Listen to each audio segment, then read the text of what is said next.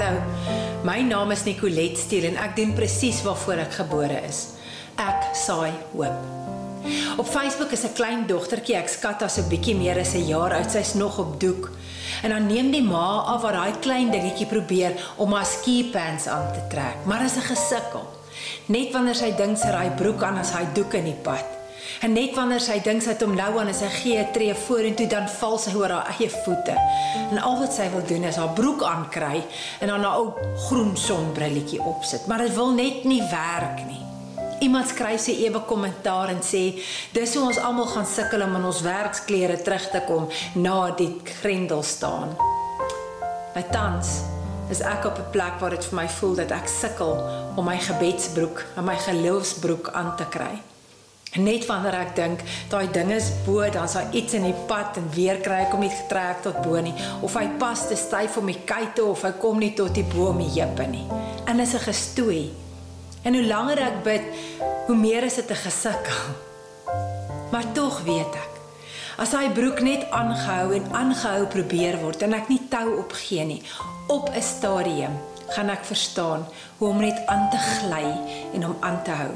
En dan dan kan ek my brilletjie optel en die wêreld anders bekyk deur my geloof, deur my gebedslewe. Hoe jy ook al sukkel, ek wil aanbeveel, whatever you do, do not stop praying. You really need that personal encounter with the Lord.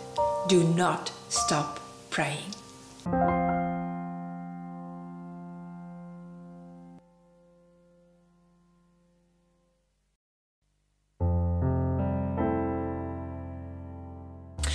Vanaf 1933 kan vrouens in Suid-Afrika in die algemene verkiesing stem. Ek het tydens die grendels daar my stem weggegee vir 'n skaap. Jy hoor heeltemal reg, vir 'n skaap. 'n Dame het haar skaap opgedolly en ingeskryf vir 'n kompetisie. Nou kyk, ek verstaan, 'n skaap is 'n dom dier. Een sal die pad vat na die slagpale toe en almal loop dan sommer agter hom aan. Dink nie twee keer daaroor nie. Nou so moet ons versigtig wees dat waar agteraan ons aanskaap. As dit negativiteit is, wil ek jou aanbeveel om om te draai en weg te stap. En as dit opbouend is, as dit mense is wat jou kan help om weer in die teenwoordigheid van die Here te kom, om weer moed te kan skep, dan is dit 'n goeie geskaap. Skaap agter mense aan wat Bybel lees, mense wat bid, mense wat positiewe gesprekke het, maar laat jou stem tel dat jou stem van 1933 'n impak maak in 2020. Skaap reg.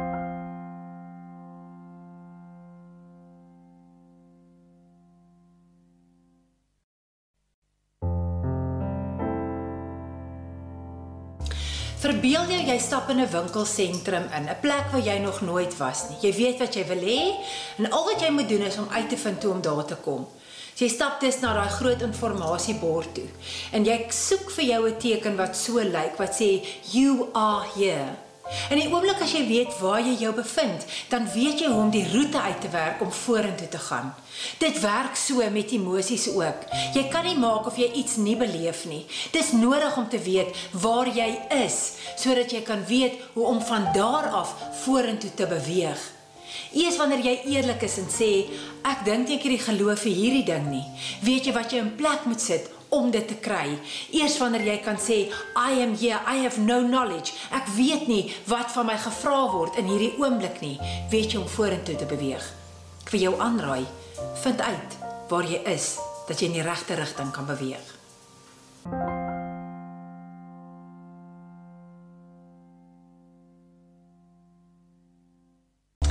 Vir 'n dinamiese emosionele gesprek is daar vier plekke waar jy nie mag wees wanneer jy in daai gesprek intree nie. En dit is in die punt van halt. Hungry, angry, lonely or tired. Wanneer jy honger is, eet iets. Wanneer jy kwaad is, gee jou emosie 'n naam. Wanneer jy alleen is, vertel dit vir iemand sodat hulle saam met jou kan reis. En wanneer jy moeg is, slaap of rus, maar asseblief net nie by die werk nie. Hierdie is so 'n fenominale lewenstoel dat ons dit al toegepas het by skole waar kinders boelies is.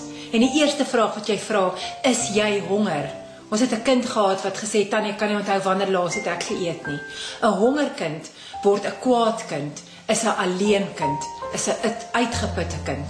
As jy so betrokke raak in 'n dinamiese emosionele gesprek, do not cut yourself in the point of halt.